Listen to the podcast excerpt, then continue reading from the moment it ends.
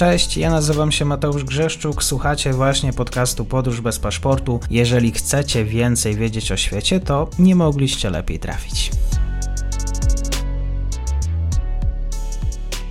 Partnerem odcinka jest Oanda, TMS Brokers, dom maklerski obecny na rynku już od ponad 20 lat. W opisie odcinka znajdziecie link do aplikacji, której możecie otworzyć konto maklerskie i grać na giełdzie, a wcześniej potrenować na koncie demonstracyjnym. Jeżeli otworzycie konto za pośrednictwem tego linku, dostaniecie na start książkę o tematyce inwestycyjnej. Zapraszam, Mateusz. Dzień dobry Państwu, dzień dobry wszystkim słuchaczom. Ze mną dzisiaj jest po raz pierwszy Piotr Chodak. Chiny to lubię. Zachęcam Państwa do tego, żeby sięgnąć po kanał. Linki w opisie, żeby zasubskrybować e, chińskie e, treści o Chinach i przede wszystkim dowiedzieć też na kanałach social media. Dzień dobry, kłaniam się. Dzień dobry, bardzo miło tym razem u Ciebie gościć. To debiut, mam nadzieję, że udany. Powiedz mi, czy Chińczycy to jest naród buntowniczy? Bywają? Wiesz co, tak naprawdę e, mówi się, że Chińczycy to jest naród, który nie kultywuje jednostki, tylko zbiorowość. I bardzo często przekłada to ponad, e, ponad rzeczy ważne dla siebie, ale e, no też bardzo dużo buntów było. No tam tak naprawdę wielokrotnie buntowano się historycznie przeciwko władzy. I władza aktualna również zdaje sobie z tego sprawę. E, w związku z tym e, musi kontrolować te emocje w społeczeństwie na tyle, aby nie, nie wylało się to e, tak mocno, że ta władza może stracić taki fundament sprawowania władzy. Tak bywało historycznie, więc to ryzyko zdają sobie z tego sprawę. Zresztą same protesty może nie bunty, ale protesty w Chinach dzieją się bardzo często z różnych powodów w różnych prowincjach i miastach, więc to jest raczej rzecz ciągła do pewnego poziomu tego bezpieczeństwa. W związku z aktualną e, sytuacją e, w Chinach gospodarczą, czy myślisz o tym, że gdyby Chińczykom żyło się gorzej, to by wyszli w jakiś sposób na ulicę? Wiesz co, jeżeli, wy, jeżeli żyłoby im się bardzo, bardzo źle, może tak, ale aktualnie żyje im się dużo lepiej niż e, było to lata temu, więc oni zdecydowanie mają perspektywę polepszającej się sytuacji w społeczeństwie, w ich e, co, codziennym funkcjonowaniu. W związku z tym tam nie ma perspektywy, mówimy o całej masie, e, nie o jednostkach e, konkretnych, tam nie ma perspektywy, że dzieje się coś złego gospodarczo, w związku z tym zdecydowanie nie ma takiego ryzyka, nawet jeżeli chodzi o gospodarkę, wzrost gospodarki czy poziom bezrobocia, raczej jest to pod kontrolą. Bo to jest tak, że starsze pokolenie chińskie, powiedzmy, widzi pewnie zmianę w jakości życia, ale młodzi już wcale nie muszą pamiętać, jak się żyło kiedyś. To prawda i to jest e, bardzo fajnie, że to, na to zwróciłeś uwagę, bo faktycznie teraz te pokolenia, które kompletnie nie pamiętają, no nie pamiętają, bo nie żyły w tamtych czasach, dochodzą, e, mają na tyle lat, że już e, są na rynku pracy albo chcieliby być na rynku pracy na warunkach, które oni sobie wyobrażają ale oczywiście nie jest to możliwe w, w tej całej ogólności i masie. W związku z tym e, zderzają się z, z rzeczywistością i e, każdy chciałby mieć najnowszy telefon, najdroższy samochód, czy to spalinowy, czy elektryczny, ale nie zawsze jest to możliwe. Tym bardziej, że życie w Chinach, szczególnie w dużych miastach, jest bardzo drogie. E, a jeżeli chcielibyśmy mieć żonę, to jeszcze musimy mieć dom, e, dobrze płatną pracę, więc tak naprawdę, żeby nować, trzeba zarabiać i Chińczycy, e, młodzi Chińczycy bardzo by chcieli. Nie jest to takie proste. Mimo wszystko nie jest to poziom, który miałby nie wiem, wywrócić, sprawić, że ludzie wyjdą na ulicę w ogromnych protestach. To, to nie jest ten poziom zdecydowanie. Hmm, całkiem niedawno pojawiła się też e, audycja na kanale, u mnie na kanale, jeżeli chodzi o młodsze pokolenie, jak odbiera to, co się dzieje na świecie, Chiny w ramach tych stosunków międzynarodowych. E, Chińczycy są raczej narodem dumnym e, z tego, co zrobili, jaką drogę przeszli przez ostatnie e, kilkadziesiąt lat. Młodzi jednak już chętnie sięgają po zdobycze technologiczne, często mając też na uwadze, że im się coś należy. No i tutaj dochodzi ta kwestia klubu naszego spotkania, o którym też rozmawialiśmy sobie wcześniej, bo mowa w jakiś sposób o tym, jak reagują, jak pokazują jednak swoje niezadowolenie z tego, w jaki sposób, e, ile muszą płacić za pewne produkty. E, I tutaj przychodzi nam na myśl zachowanie na pewnym koncercie. Dokładnie tak. Pojawiła się informacja w mediach, chińskich mediach społecznościowych, e, sposób obejścia kwot, które muszą Chińczycy ponosić na festiwalach muzycznych. Zresztą Polacy również się z tym spotykają na różnego typu festiwalach, czy to w Polsce, czy w Europie. Podstawowe rzeczy, takie jak jedzenie czy napoje, są bardzo drogie, bo na tym tak naprawdę się najwięcej zarabia. E, no i Chińczycy e, głupi nie są, są sprytni, a część po prostu musi oszczędzić, no bo jeżeli wydali sporo pieniędzy na bilety wstępu, no to już na takie napoje pieniędzy nie ma i wymyślili sobie na przykład zabieranie świeżych e, ogórków, które bardzo dobrze nawadniają, które tam akurat na tych festiwalach można przemycić, przenieść, a przynajmniej łatwo schować taki ogórek na przykład do kieszeni i podczas koncertu, kiedy chce się pić, można się nim posilić. Takie zdjęcie z koncertu właśnie z nadgryzionymi ogórkami pojawiło się w mediach społecznościowych i dosyć mocno rozeszło się po internecie. Jest to jednak ciekawostka, nie jest to rzecz, która jest mocno praktykowana, ale pokazuje pewną pomysłowość e, i podejście Chińczyków do radzenia sobie z różnymi sytuacjami. Zastanawiam się właśnie na ile, e, bo tak komunistyczna partia Chin oczywiście może mówić o zdobyczach kilkudziesięciu ostatnich lat. Młodzi mogą mieć e, tutaj swoje zdanie. Mieliśmy również i protesty w Chinach drobne w trakcie pandemii COVID-19. Pamiętam oburzenie oburzenie specjalistów, ekspertów, oburzenie, no, znaczy takie komentarze, Chiny mogą się rozpaść, komunistyczna partia Chin e, w kłopotach. Myślę, że też w przyszłości odgrywać będą dużą rolę takie właśnie małe gesty, a przede wszystkim też świat social mediów, gdzie takie zdjęcia no jednak e, stają się wiralem i mają te, te drugie dno.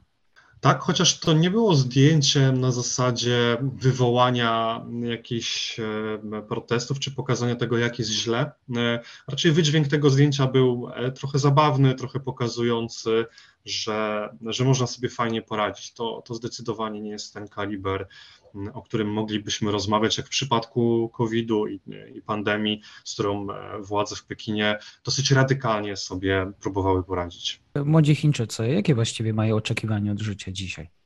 Młodzi Chińczycy Mam wrażenie, że tak jak Polacy, chcieli młodzi Polacy, czyli chcieliby żyć wygodnie, na pewno nie chcieliby mocno pracować, e, czyli bardzo często kłócą się wewnętrznie z stwierdzeniem Jacka Ma, założyciela Alibaby e, z trybem pracy 996, czyli od 9 rano do 21 przez 6 dni w tygodniu. Ten kult pracy, tak jak w naszych pokoleniach wcześniejszych, e, tak naprawdę pozostawienie życia w pracy, e, w kolejnych pokoleniach zanika i w Chinach jest dokładnie to samo.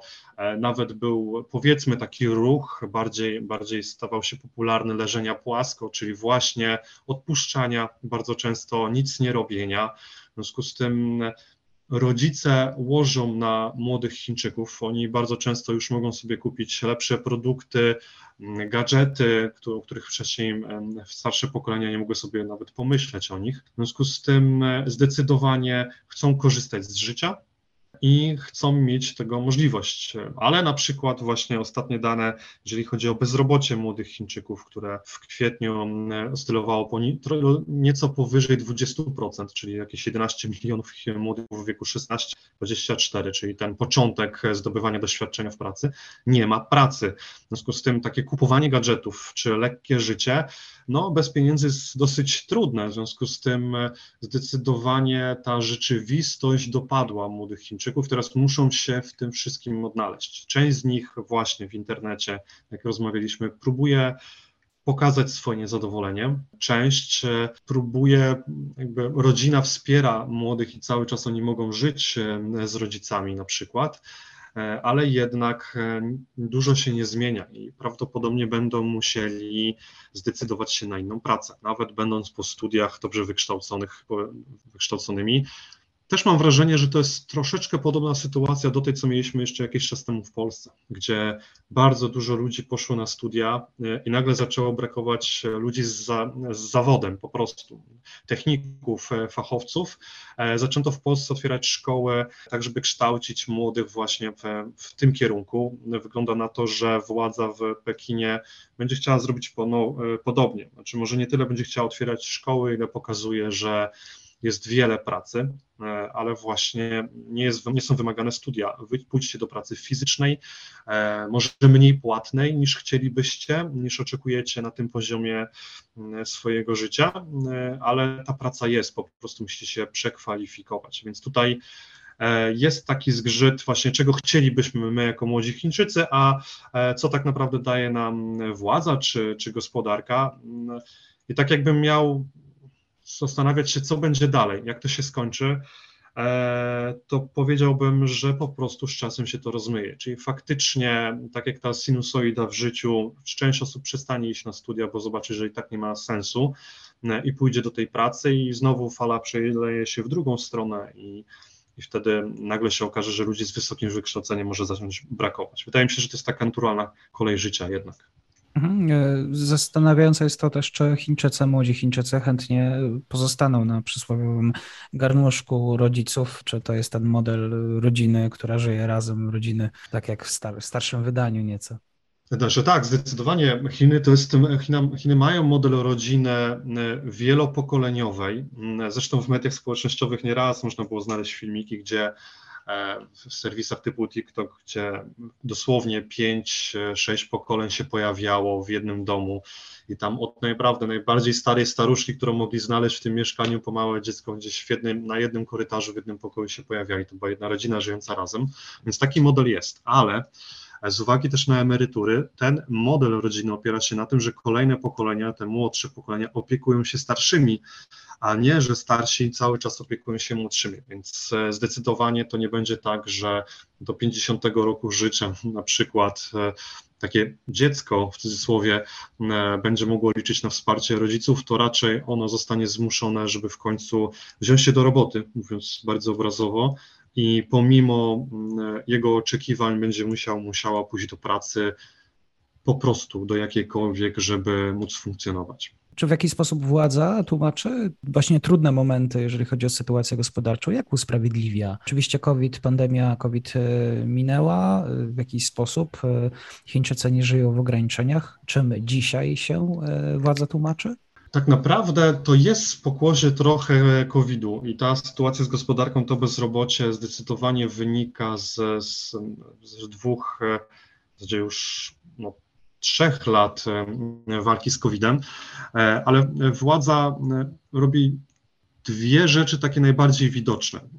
Pierwsza rzecz to w niektórych prowincjach, w niektórych miastach otwierają się handle uliczne. To jest jak osoby, które może na co dzień nie czytają, nie interesują się Chinami, jak miałyby zamknąć oczy, wyobrazić sobie ulicę w Chinach, to bardzo często taką zatłoczoną uliczkę ze sklepikami małymi pewnie by sobie wyobrazili. One przez lata, te sklepiki były zamykane, likwidowane, to teraz e, ta władza prowincjonalna zaczyna pozwalać na otwieranie takich sklepów tak po prostu, żeby młodzi mogli coś e, zarobić.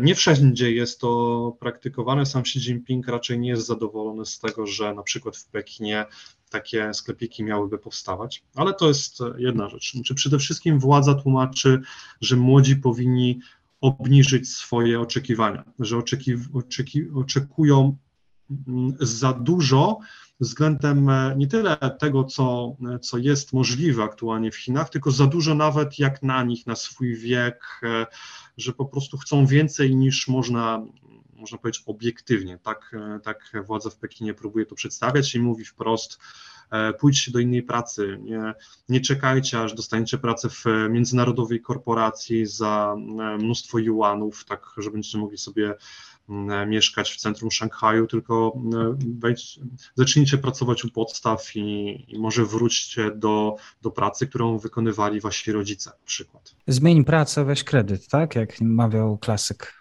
Tak, z kredytem pewnie mniej, może nie tak bezpośrednio, ale zdecydowanie jest to komunikat dający wprost informację młodym Chińczykom, że władza raczej e, bezpośrednio nie będzie im pomagać, to oni muszą tak naprawdę sprawdzić, czego chcą w życiu i czy to jest realne. Bardzo dziękuję za dzisiejsze spotkanie, za komentarz. Piotr Chodak, kłaniam się do usłyszenia. Dziękuję, pozdrawiam. I to już koniec na dzisiaj. Zapraszam na profil podcastu Podróż bez paszportu na Facebooku, Instagramie i Twitterze. Zachęcam też do wsparcia mojej pracy na serwisie Patronite oraz Buy Coffee. Do usłyszenia.